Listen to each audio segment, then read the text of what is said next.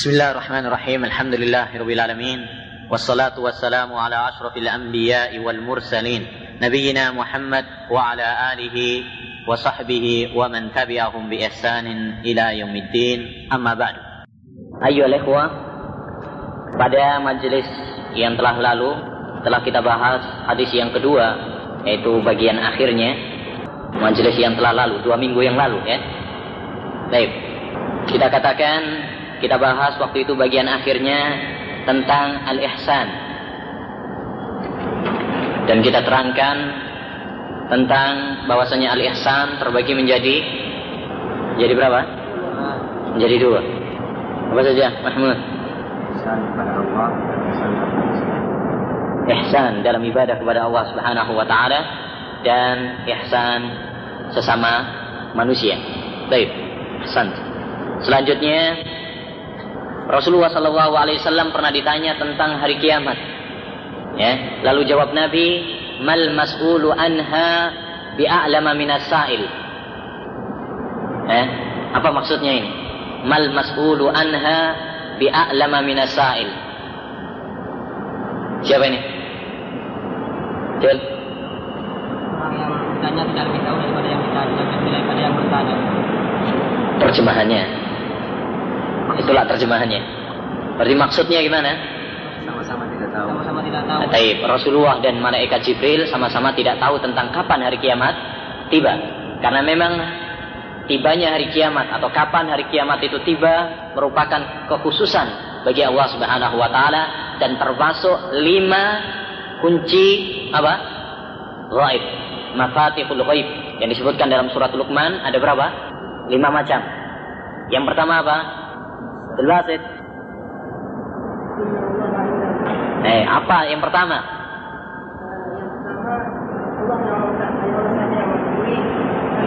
Baik. Ya, jadi yang pertama hanya Allah SWT saja yang mengetahui kapan hari kiamat itu tiba. Itu mafatihul ghaib. Yang pertama. Jadi tidak ada yang mengetahui kapan kiamat tiba kecuali Allah. Kalau ada yang mengaku, ada yang mengatakan mengaku dia tahu tentang kiamat tiba atau mengabarkan kepada kita kiamat tiba tanggal sekian tahun sekian, maka kita katakan dengan seyakin-yakinnya bahwa dia adalah pendusta. Ya. Yang kedua, Jafar. Yang kedua, mafatihul ghaib. Yang kedua apa? Baik. Wa yunazzilul ghais. Allah Subhanahu wa taala yang menurunkan hujan. Jadi tidak ada yang dapat memastikan besok pasti turun hujan, tidak boleh. Kalau perakiraan, kita katakan kemarin apa? Boleh atau tidak perakiraan? Ya, Bandung besok perkiraan akan apa? Hujan, mendung, kemarau. Ya, perakiraan boleh, tetapi memastikan ini yang tidak diperbolehkan karena perakiraan itu memiliki ilmu. Ya, memiliki ilmu dengan udara dan sebagainya yang mereka pelajari. Yang ketiga, Daud. Hah?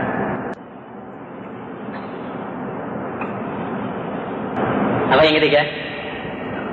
Ma Apa kan? Ah, mati. wa ma tadri nafsum Mada taksibu udah wa ma tadri nafsum bi ayyi ardin tamut. Kapan atau di mana dia mati? Ini tidak ada yang mengetahui kecuali hanya Allah Subhanahu wa taala. Yang keempat, entah ini. Wa ya'lamu ma fil arham. Allah Subhanahu wa taala saja yang mengetahui apa yang di rahim seorang ibu, seorang wanita. Ya, bagaimana dia kesehatannya laki atau perempuan, ya.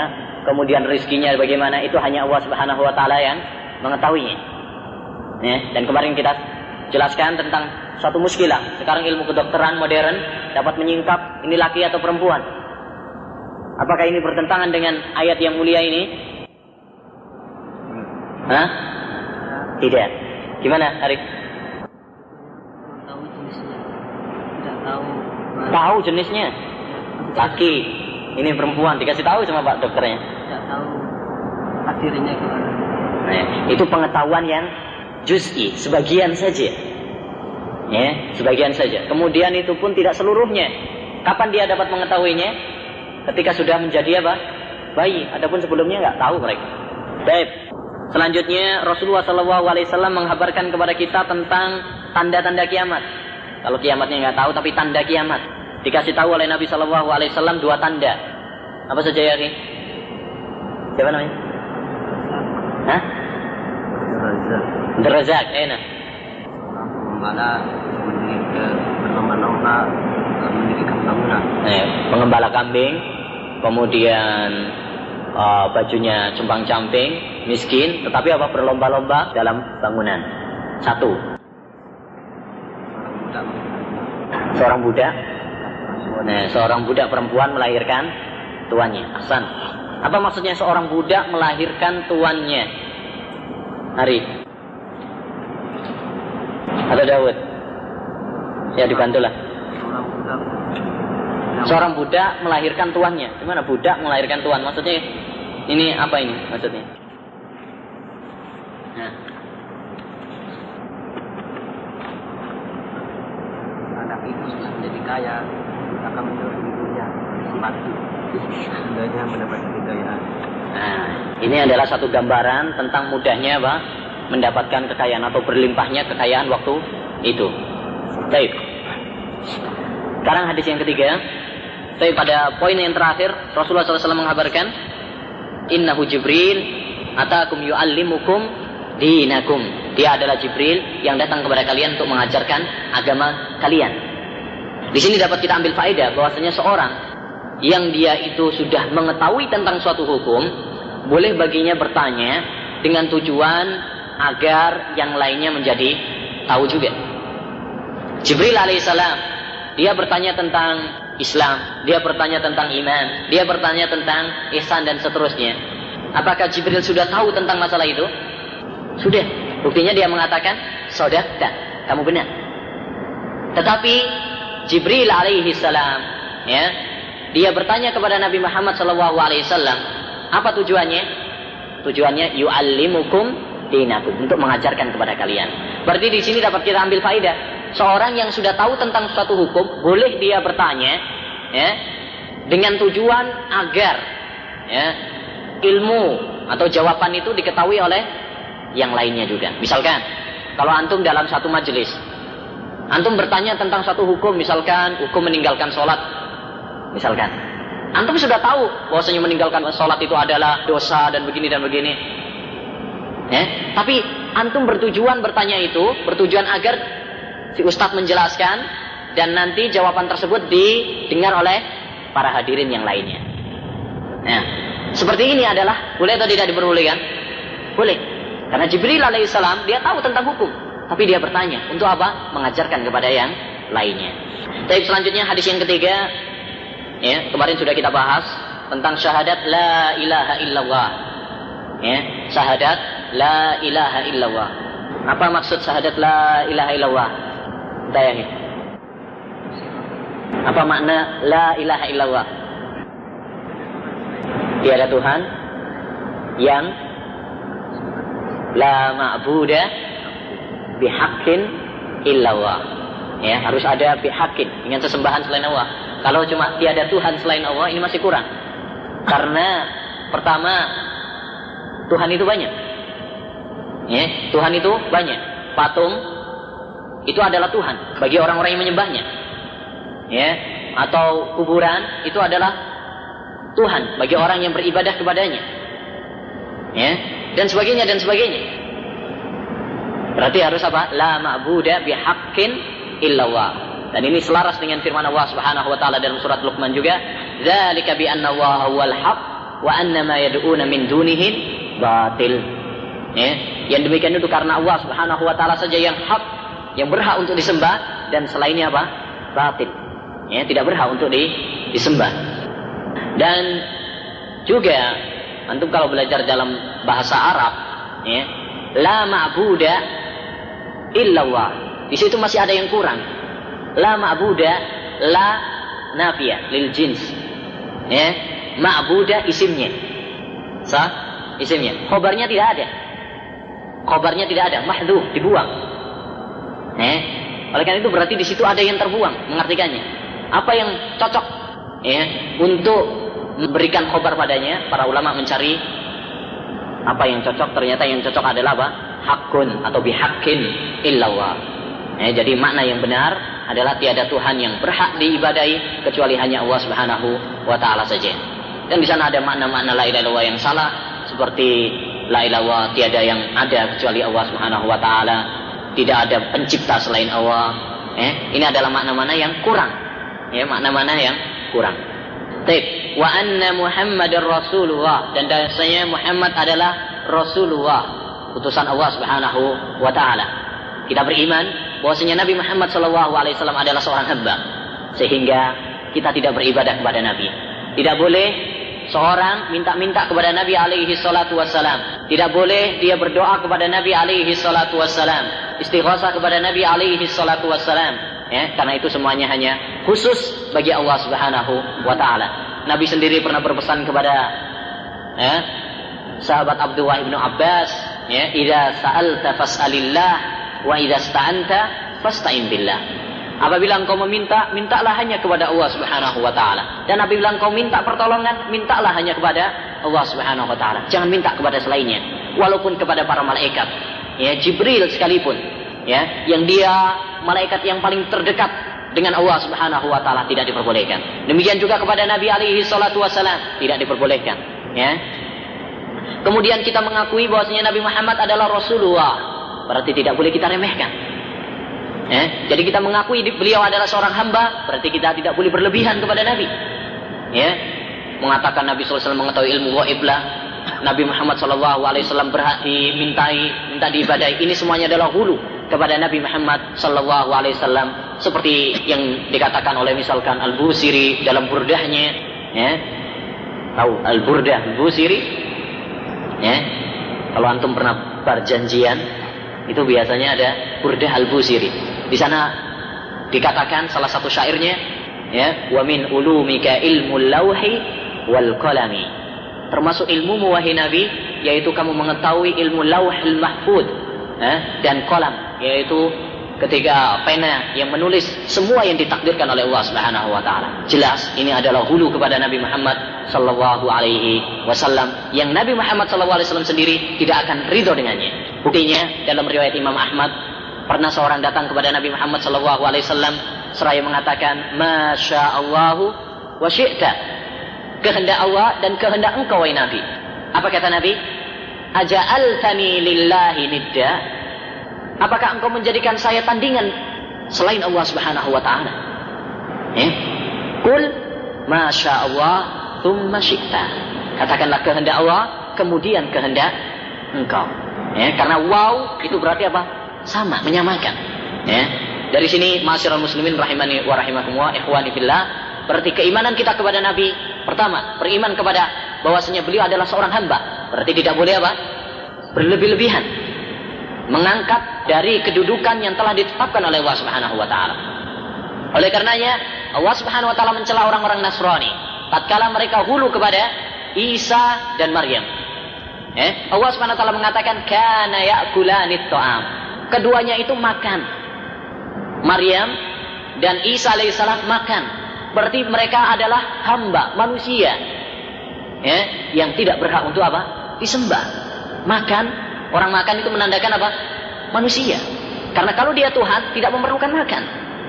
Ya, demikian juga Rasulullah SAW melarang kita sebagai umat Islam untuk meniru perilaku orang-orang Nasara. La tutruni kama atratin Nasara Isa bin Maryam.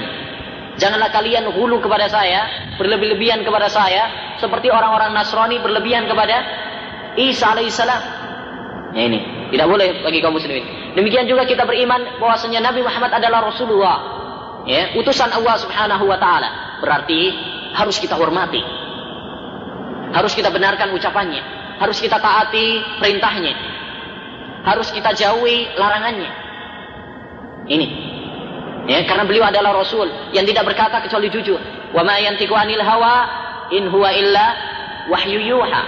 Tidaklah Rasulullah SAW berucap sesuai dengan selera hawa nafsunya, tetapi beliau berucap dengan bimbingan wahyu dari Allah Subhanahu wa taala. Oleh karenanya, orang-orang yang tidak membenarkan atau mendustakan hadis-hadis Nabi sallallahu alaihi wasallam, ada hadis dalam Sahih Bukhari, Sahih Muslim, nggak masuk akal. Ya, ini berarti dia eh, tidak merealisasikan syahadat bahwasanya Nabi Muhammad adalah Rasulullah. Karena dia tidak mengagungkan Nabi Muhammad wasallam. Karena dia tidak menghormati Nabi Muhammad wasallam. Berarti kurang. Ya kalau ada seorang yang dia mendengar hadis Nabi wasallam yang berisi tentang perintah Nabi Muhammad wasallam lalu dia tidak melakukannya maka berarti kurang penghormatannya kepada Nabi sallallahu alaihi wasallam ya karena seorang yang mengaku cinta kepada Nabi sallallahu alaihi wasallam berarti dia apa akan melaksanakan perintahnya, akan membenarkan ucapannya. Ya, di sinilah letak ya, konsekuensi syahadat Muhammad Rasulullah Sallallahu Alaihi Wasallam. Wa iqamis salah. Dan yang ketiga adalah mendirikan solat. Iqamis salat, menegakkan solat. Ya, dan dulu kita pada hadis pembahasan Umdatul Ahkam.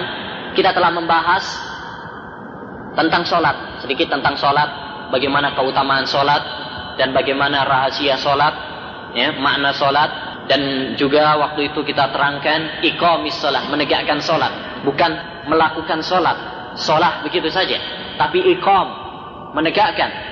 Wa aqimus sholat wa atuz zakat yang berarti bahwasanya bukan hanya sekedar sholat saja, tetapi kita menegakkan sholat dengan rukunnya, dengan syaratnya, dan dengan penuh kekhusyuan dan tumanina. Ya.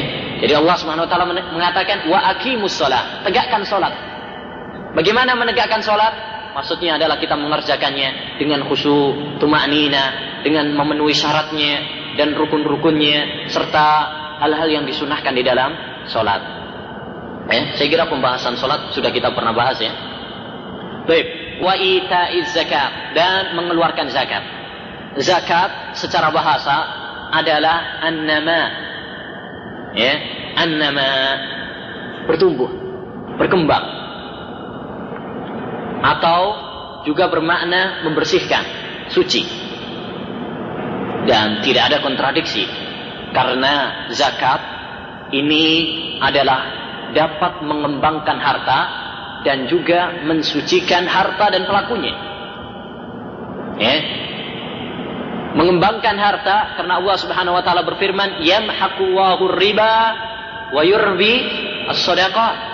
Allah Subhanahu wa taala menghilangkan riba, memberantas riba. Tidak memberkahi riba. Wa yurbi as-shadaqat dan menumbuhkan, mengembangkan sedekah. Kita lihat di negara-negara atau lebih mudahnya kita bisa lihat di negeri kita bagaimana tempat-tempat riba atau sebut saja bank-bank riba ya. Mega. Sah? Begitu mega. Sampai mungkin kalau lihat sampai ke atas. Tapi adakah keberkahan di dalamnya? Ya ekonomi carut marut ya hancur semuanya tidak ada keberkahan di dalamnya. Dan ini maha suci Allah Subhanahu wa taala. Kebenaran firman Allah Subhanahu wa taala, "Yamhaqu Allahu riba." Allah Subhanahu wa taala tidak memberkahi riba. Sekalipun tinggi bangunannya, tapi tidak ada berkahnya. Wa yurbis sadaqat dan menumbuhkan sedekah. Ya. Seorang yang bersedekah ikhlas karena Allah Subhanahu wa taala, sekalipun dari segi akal dan matematika dia berkurang hartanya, tapi Allah Subhanahu wa taala akan memberkahinya memberkahi hartanya dan akan menambahkannya. Ya. Belum lagi nanti di akhiratnya. Dan barokah ini penting sekali, masyarakat muslimin. Antum punya uang, kalau tidak berbarokah, nggak ada faedahnya. Betapa banyak para pegawai sekarang ini, pejabat, mereka memiliki gaji taruhlah 20 juta ke atas, tetapi pengeluaran cepat sekali seperti halnya kalau antum hanya berapa? Ya, satu juta. Mereka 20 juta cepat dalam kurang masih ya. Kenapa? Karena nggak ada berkahnya. Ya, habis gajian mungkin sudah langsung apa? Untuk bayar utang ini, untuk anaknya mungkin kecelakaan, ya, ini untuk itu itu. Habis, nggak ada berkahnya. Ya, baik. Wayur bis sodakat. Jadi ini. Kemudian makna yang kedua bahwasanya zakat itu adalah membersihkan dan benar. Oleh karenanya termasuk faedah zakat, zakat itu faedahnya minimal ada tiga. Yang pertama untuk faedah untuk hartanya, yaitu membersihkan harta tersebut dari kotoran-kotoran. Gimana maksudnya membersihkan harta dari kotoran? Eh, antum tahu ketika kita bekerja mendapatkan uang, ya kan tidak semurni semuanya halal. Benar nggak? Seorang mungkin kalau dia pedagang, mungkin ada promosinya yang terlalu berlebihan, ada mungkin bohongnya. Sumpah ini belinya aja nggak nggak dapet itu. Nah, padahal dapat sebenarnya. Kan itu banyak itu. Sumpahnya terlalu tinggi, padahal nggak. Oh, bilangnya, oh itu belinya aja nggak dapet sepuluh ribu, padahal tujuh tujuh ribu juga. Nah, banyak. Nah, seperti ini perlu apa dibersihkan hartanya, uang yang dia dapatkan. Atau kalau ya maaf saja, kalau misalkan kita adalah sebagai pekerja, kemudian mendapatkan apa namanya gajian, mungkin ini perlu juga apa namanya dibersihkan. Kenapa? Karena barangkali ya kita tidak menunaikan kewajiban kita semaksimal mungkin. Ya mungkin waktunya kerja, ya kita kemudian bolos, bisa jadi, ya kan sehari ditambah sehari, ya dikurangi lagi satu jam dua jam, ya. Berarti kan kita seakan-akan mengambil harta tanpa hak, ya. Oleh karenanya perlu apa? Dibersihkan. Ini sekedar contoh, ya, sekedar contoh. Bagaimana banyak di antara banyak kaum muslimin yang perlu dibersihkan apa? Hartanya. Faedah yang kedua, kembali kepada orang yang mengeluarkan. Orang yang mengeluarkan, yaitu membersihkan dirinya dari kotoran-kotoran hati. Apa sih kotoran hati? Banyak sekali. Bahil, bukankah itu penyakit hati yang perlu dibersihkan dari hati? Seorang mengeluarkan zakat berarti dia mengeluarkan penyakit bahilnya. Kalau dia orang yang pelit, dia tidak akan mengeluarkan zakat. Ya. Kemudian juga mengeluarkan penyakit hati yaitu kegundahan, keruwetan yang ada di dalam hati ini. Kenapa? Karena orang yang bersodakoh dengan ikhlas karena Allah Subhanahu wa taala tentunya, dia akan mendapatkan dalam hatinya subhanahu wa apa? kebahagiaan dan kelapangan dada. Oleh karena itu Imam Ibnu Qayyim dalam kitab Zakat dalam Zadul Ma'ad beliau menjadikan sodakoh termasuk sebab-sebab ketenangan hati. Kalau anda ingin ketenangan hati, salah satu sebabnya adalah apa? Keluarkan zakat. Ya. Kemudian faedah yang ketiga, kembali kepada orang lain. Ya, kembali kepada orang lain. Yaitu yang kita beri. Faedahnya jelas. Yaitu apa? Membantu orang miskin, membantu orang fakir. Kemudian menjadikan mereka ya, senang, membuat mereka gembira. Bukankah ini merupakan suatu amal soleh, hikmah yang sangat besar? Ya, mengentaskan mereka dari kemiskinan. Bukankah ini salah satu faedah yang besar? Coba seandainya kalau orang-orang kaya di Indonesia mereka mau mengeluarkan zakatnya dan banyak di antara kaum muslimin tidak mengeluarkan zakatnya. Mereka mengira bahwasanya zakat itu zakat fitrah. Kalau zakat fitrah jangankan orang kaya, orang miskin saja bisa di kita. Ya enggak? Zakat fitrah cuma beras 2 kilo doang. Semua orang juga bisa. Tapi yang dimaksud di sini adalah zakat, zakat harta, zakat perdagangan, zakat emas dan sebagainya itu. Zakat peternakan dan itu banyak yang punya. Dan mereka tidak membersihkan harta-harta mereka, tidak mengeluarkan zakat. Ya. Seandainya kaum muslimin mau mengeluarkan, mungkin subhanallah Indonesia krisisnya segera hilang atau menipis lah. Ya. Dan tidak perlu lagi pajak-pajak itu. Karena pajak sebenarnya tidak ada dalam Islam. Untuk orang muslim tidak ada sebenarnya pajak. Eh, yang ada untuk orang kafir. Kalau bagi orang Islam tidak ada sebenarnya pajak. Yang ada zakat. Ya, baik. Jadi ini sangat penting sekali. Ya, kaum muslimin untuk mengeluarkan zakat mereka. Apa faedahnya? Bagi harta, maksudnya membersihkan dari apa? Dari kotoran-kotoran. Dan bagi pelakunya yang mengeluarkan, membersihkan dari penyakit, ya, bahil dan sejenisnya. Dan bagi orang lain, yaitu kita apa? Membantu mereka. Ya, membantu mereka. Baik.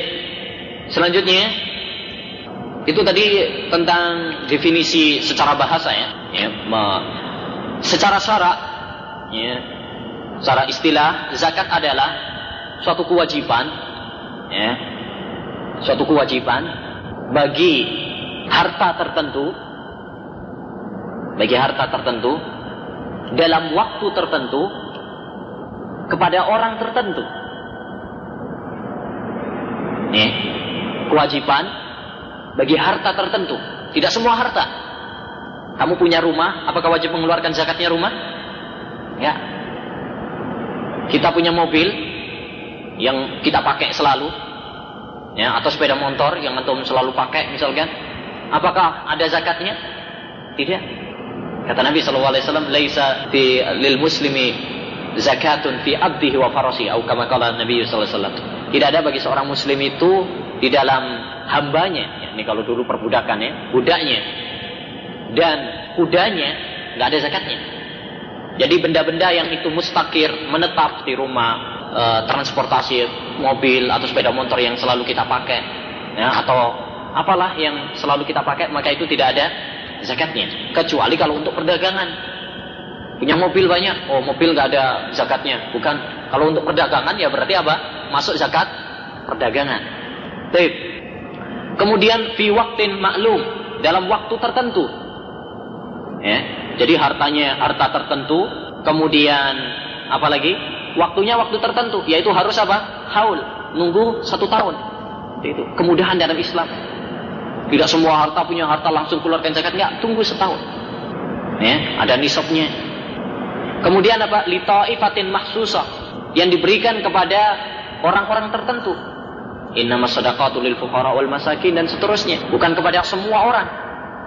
Nah, Selanjutnya kata Nabi Shallallahu Alaihi Wasallam wahajil bait dan haji menuju berangkat menuju Baitullah yaitu Mekah ke Ka'bah. Al-Hajj haji secara bahasa dan insya Allah tentang puasa nanti akan kita bahas secara khusus demikian juga tentang haji ya kita akan bahas sesuai dengan tempatnya masing-masing ya.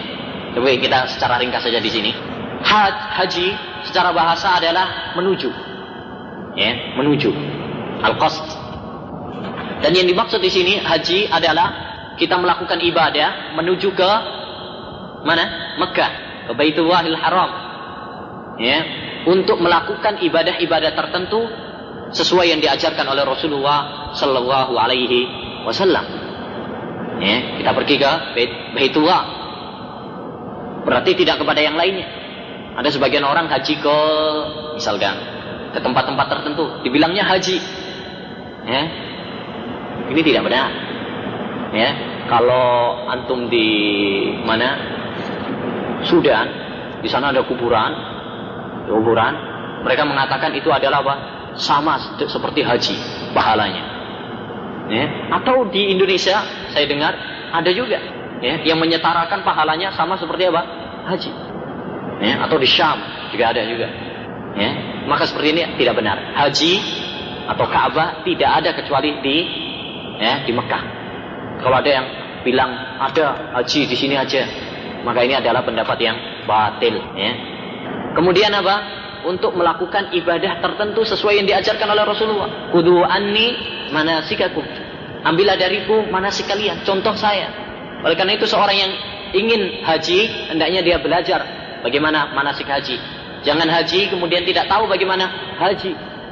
Ya, sebagaimana kita lihat banyak di antara kaum muslimin, mereka haji tapi tidak mengerti bagaimana mereka haji tata cara haji yang sesuai dengan Nabi Muhammad sallallahu alaihi wasallam. Dan haji hukumnya adalah wajib. Ya. Allah Subhanahu wa taala berfirman, "Walillahi 'alan nasi hajjul bait man istata'a ilaihi sabila." Ya. Kewajiban bagi manusia yang diwajibkan oleh Allah Subhanahu wa taala adalah mereka apa? Melakukan ibadah haji bagi orang-orang yang mampu. Kata Allah Subhanahu wa taala, "Man istata'a ilaihi sabila." Dan dalam hadis Jibril juga apa? Ya, wa tahujjul bait ini istata'a ilaihi sabila. Kalau yang mampu. Taib, ada permasalahan. Kenapa dalam puasa dan sholat Allah taala tidak mengatakan kalau kamu mampu? Haji, uh, zakat kalau kamu mampu, puasa kalau kamu mampu. Padahal semua kewajiban itu gugur kalau nggak mampu, ya kan? Antum kalau nggak tuh untuk mengeluarkan zakat, wajib nggak? Enggak. Kalau antum tidak kuat untuk berpuasa karena sakit atau safar, antum wajib untuk berpuasa? Tidak. Ya, haji itu yang paling susah. Kalau orang sholat, semua orang bisa. Kalau orang e, puasa, rata-rata orang apa? Bisa. Tapi kalau haji, sedikit sekali yang bisa. Karena apa? Membutuhkan. Ya, apalagi sekarang di Indonesia berapa? 27 juta ya, sekitar itu. Ya sama yang lain-lainnya 30 juta lah. Ya, kan beli oleh-oleh juga, beli sajadah, beli apa lagi? Kurma, ya, beli apa lagi? Tasbihnya. Untuk oleh-olehnya di mana? Baik dan seterusnya. Mahal. Baik. Di samping haji itu merupakan suatu kewajiban, di sana ada hikmah-hikmahnya. Hikmah ya, di balik haji banyak sekali. Yang pertama, hikmahnya adalah merendahkan diri kepada Allah Subhanahu wa taala. Ya, merendahkan diri di hadapan Allah Subhanahu wa taala. Coba kita perhatikan seorang yang haji. Dia disyariatkan apa?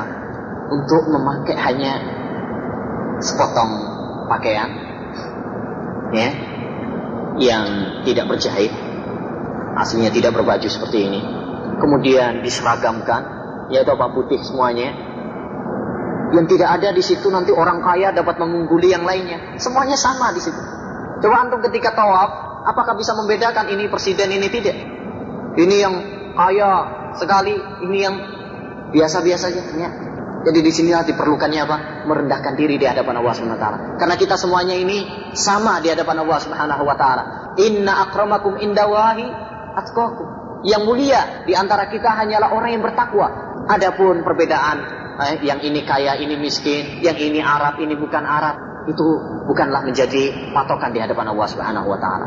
Ya, inna wa la yanduru ila suwarikum wa atsamikum wa amwalikum walakin yanduru ila qulubikum wa a'malikum. Sesungguhnya Allah Subhanahu wa taala tidak melihat kepada poros tubuh kalian, ya, tidak melihat kepada jasad-jasad kalian, badan-badan kalian, ya, kekar, hebat. Atau yang lainnya, atau tidak dan demikian juga Allah taala tidak melihat harta-harta kalian, tetapi yang dilihat oleh Allah taala adalah apa? Eh, hati dan amal perbuatan kalian. Kemudian hikmah yang kedua yaitu kita memiliki wawasan ya secara luas cepat lagi kalau antum mungkin belajar di apa dulu dulu ilmu pengetahuan sosial atau yang lainnya mungkin antum tidak secara langsung masih gambaran saja masih bingung misalkan wah adatnya orang misalkan apa India itu begini begini adatnya orang Sudan mereka begini begini begini tapi kalau dalam haji, antum nggak perlu belajar belajar gitu, langsung ketemu orangnya. Oh, orang gini, ini orang India. Oh, orang ini orang apa? Eh, Sudan. Orang ini Afrika. Orang ini Lebanon. Eh, orang ini Filistin. Antum tahu semuanya. Orang ini Turki. Nih, kita tahu. Wawasan atau mungkin kalau lebih bisa gaul dengan mereka, lebih tahu nah, dengan bertanya-bertanya kepada mereka. Kita mengetahui wawasan secara apa? Luas, lebih luas. Ya. Kemudian hikmah yang lainnya adalah persatuan kaum muslimin. Dan ini persatuan yang sangat besar. Ya. Oleh karena itu Imam Ibnul Qayyim dalam kitabnya Nunia atau Mimia dia mengatakan persatuan yang besar adalah persatuan kaum muslimin ketika di Arafah. Lihat bagaimana ketika di Arafah mereka semuanya berdoa kepada Allah Subhanahu wa taala di situlah uh, persatuan yang sangat besar sehingga kata Nabi alaihi salatu wasallam tidak ada hari di mana setan paling sedih eh, dibandingkan hari apa? Eh, dibandingkan hari Arafah kecuali ketika perang Badar. Eh, kecuali perang dengan perang Badar. Selain perang Badar, ketika perang Badar tidak ada hari yang lain kecuali apa? Arafah itu yang paling sedih, setan sedih. Kenapa? Semuanya berdoa kepada Allah Subhanahu wa taala. Ya? Semuanya berdoa kepada Allah Subhanahu wa taala. Dan setan paling sedih kalau melihat orang apa? Berdoa kepada Allah Subhanahu wa taala, ya, takarrub kepada Allah Subhanahu wa taala, sibuk dengan ibadah kepada Allah Subhanahu wa taala. Orang yang itu perhatikanlah. Dalam hadis Rasulullah SAW hadis tentang Ramadan. Kalau apabila Nabi Muhammad SAW mengatakan apabila datang bulan Ramadan, dibukalah pintu-pintu surga, ditutuplah pintu-pintu neraka, dan dibelenggu para setan. Apa maksudnya dibelenggu? Maksudnya adalah para setan tidak bisa bebas mengganggu Bani Adam sebebas di bulan lainnya. Eh? Bukan berarti kemudian tidak ada kemaksiatan. Kenapa? Karena buktinya walaupun Ramadan maksiat juga tetap ada. Tetapi kalau kamu bandingkan dengan bulan-bulan yang lainnya, ya, tentu apa? Bulan Ramadan lebih utama daripada yang lainnya. Dan itu kenyataan dapat kita lihat sendiri. Oleh karena itu kalau mungkin antum tahu sendiri di bulan Ramadan, ya, misalkan satu contoh saja di Indonesia mungkin tempat-tempat apa nakal ditutup, libur khusus Ramadan, menghormati Ramadan. Ya, sekalipun nanti mungkin dibuka lagi. Ya. Kemudian televisinya, bagaimana para artisnya, kemudian para anunya pakai jilbab semuanya, ya kan? Pakai peci kalau yang lakinya, ya.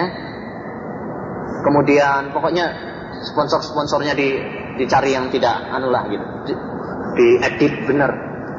Ya, tidak sembarangan. Film-filmnya juga film-film yang agama. Betul ya? Kalau Ramadan kan gitu. Cuma nanti sayangnya setelah Ramadan kembali kepada masa lalu ya itu yang repot itu. Tapi pokoknya haji banyak sekali hikmahnya ya. Ini adalah muktamar yang besar. Seandainya coba kaum muslimin seluruh misalkan tokoh-tokoh para presidennya kumpul ketika haji kan waktu ngumpulnya orang itu bagaimana tentang kejayaan Islam bagaimana tentang kekuatan Islam mereka pikirkan mereka rundingkan musyawarahkan subhanallah Islam akan jaya ya Islam akan jaya selanjutnya yang terakhir yaitu siam wasaumu Ramadan puasa di bulan Ramadan ya puasa di bulan Ramadan saum secara bahasa adalah al-imsak. Eh? Apa? Menahan. Menahan. Menahan dari apa? Menahan dari segalanya, dari ucapan, perkataan. Itu namanya apa? Menahan. Karena itu dalam surat Maryam, "Inni nadartu lirrahmani sauman." Ya, saya bernazar kepada Ar-Rahman, Allah Subhanahu wa taala, sauman. Maksudnya apa? Menahan diri untuk tidak berbicara. Ya, itu saum di situ bukan saum menahan diri dari makan, menahan diri dari ucapan, nggak ngomong, itu nadarnya. Ya, bagaimana? Nggak ngomong, cukup dengan apa? Isyarat saja. Itu nadarnya Nabi Zakaria. Kemudian Nabi Zakaria apa Imran itu ya. Kemudian saum kalau antum perhatikan sering dikaitkan dengan sholat, ya, dibarengkan dengan sholat. Kenapa? Karena kalau sholat itu adalah gerakan, tapi kalau puasa ini adalah menahan. Salat berarti gerakan kepada al-haq. Ya, kita melakukan kebaikan, gerakan. Tapi kalau puasa ini adalah menahan diri ya, dari syahwat. Ya. Paham atau enggak ini? Ya. Sering Allah Subhanahu wa taala menggandengkan antara puasa dengan dengan sholat. Kenapa?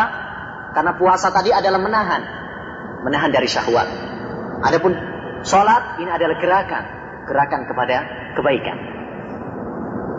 Hah? Baik.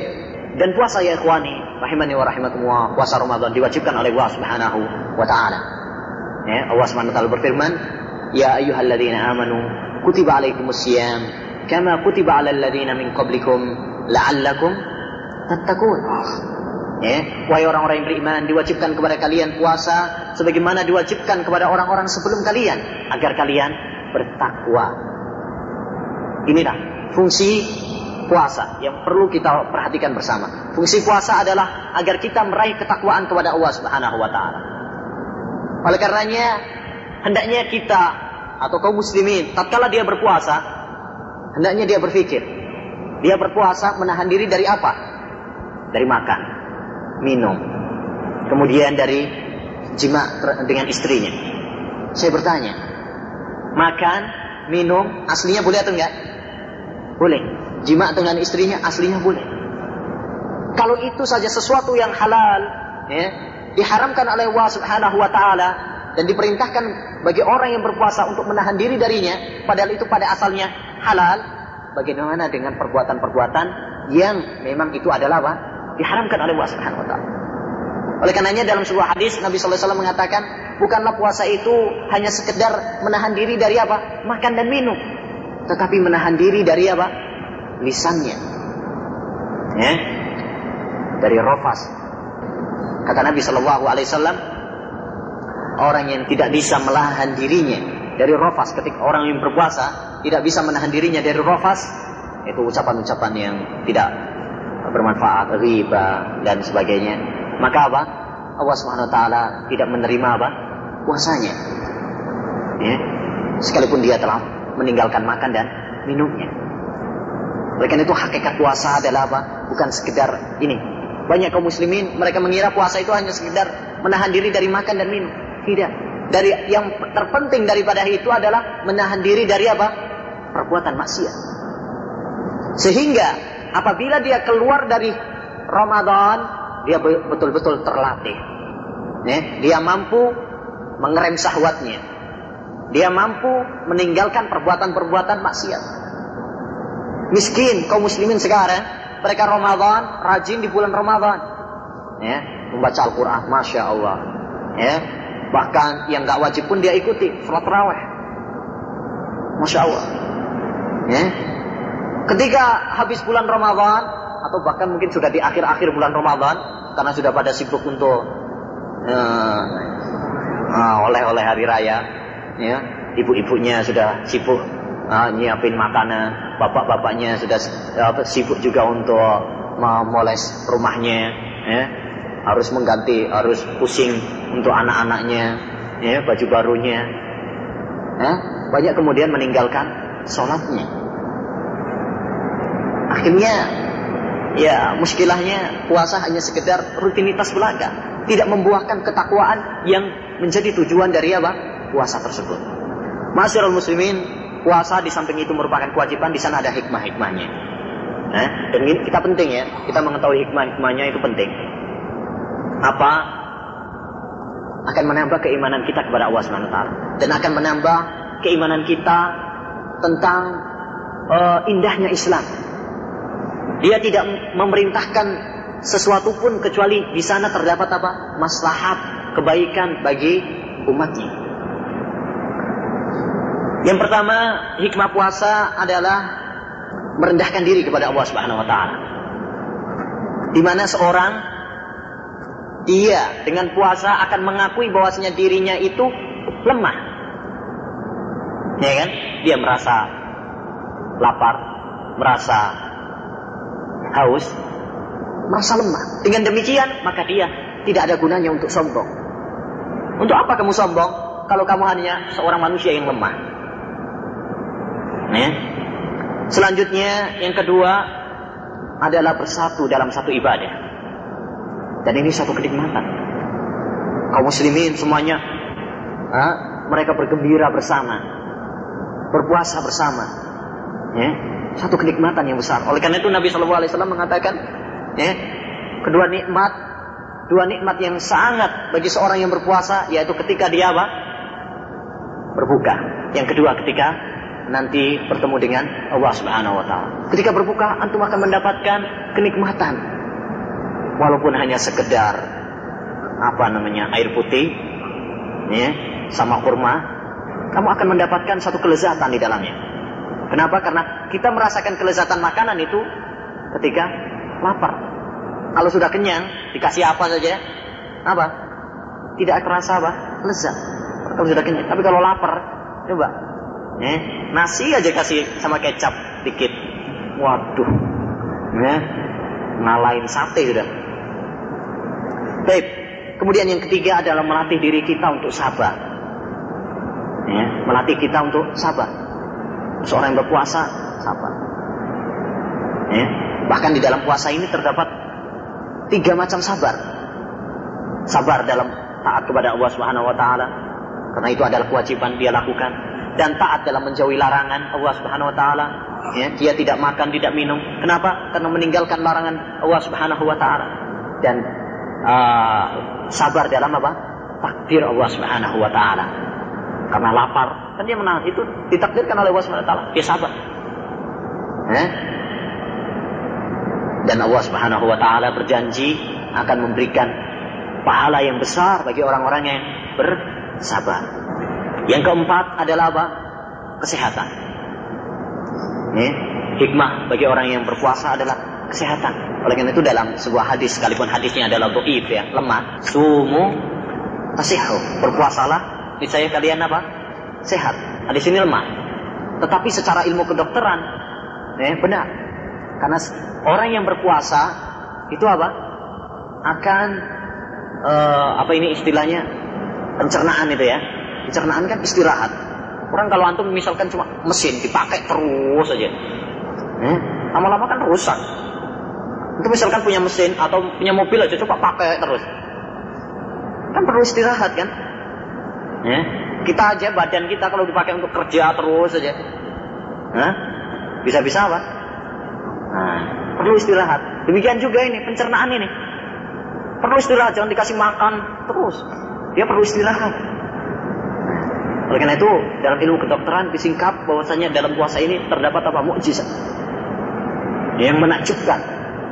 Bahkan saya pernah membaca dalam bukunya Syekh Al-Bani Silsilah Dhaifah, beliau mengatakan saya berpuasa 40 hari bukan untuk apa-apa, karena untuk kesehatan. Nih, untuk kesehatan, untuk pengobatan. Jadi pengobatan dengan cara apa? Berpuasa. Eh, dan hasilnya, masya Allah. Beliau mengatakan seperti itu.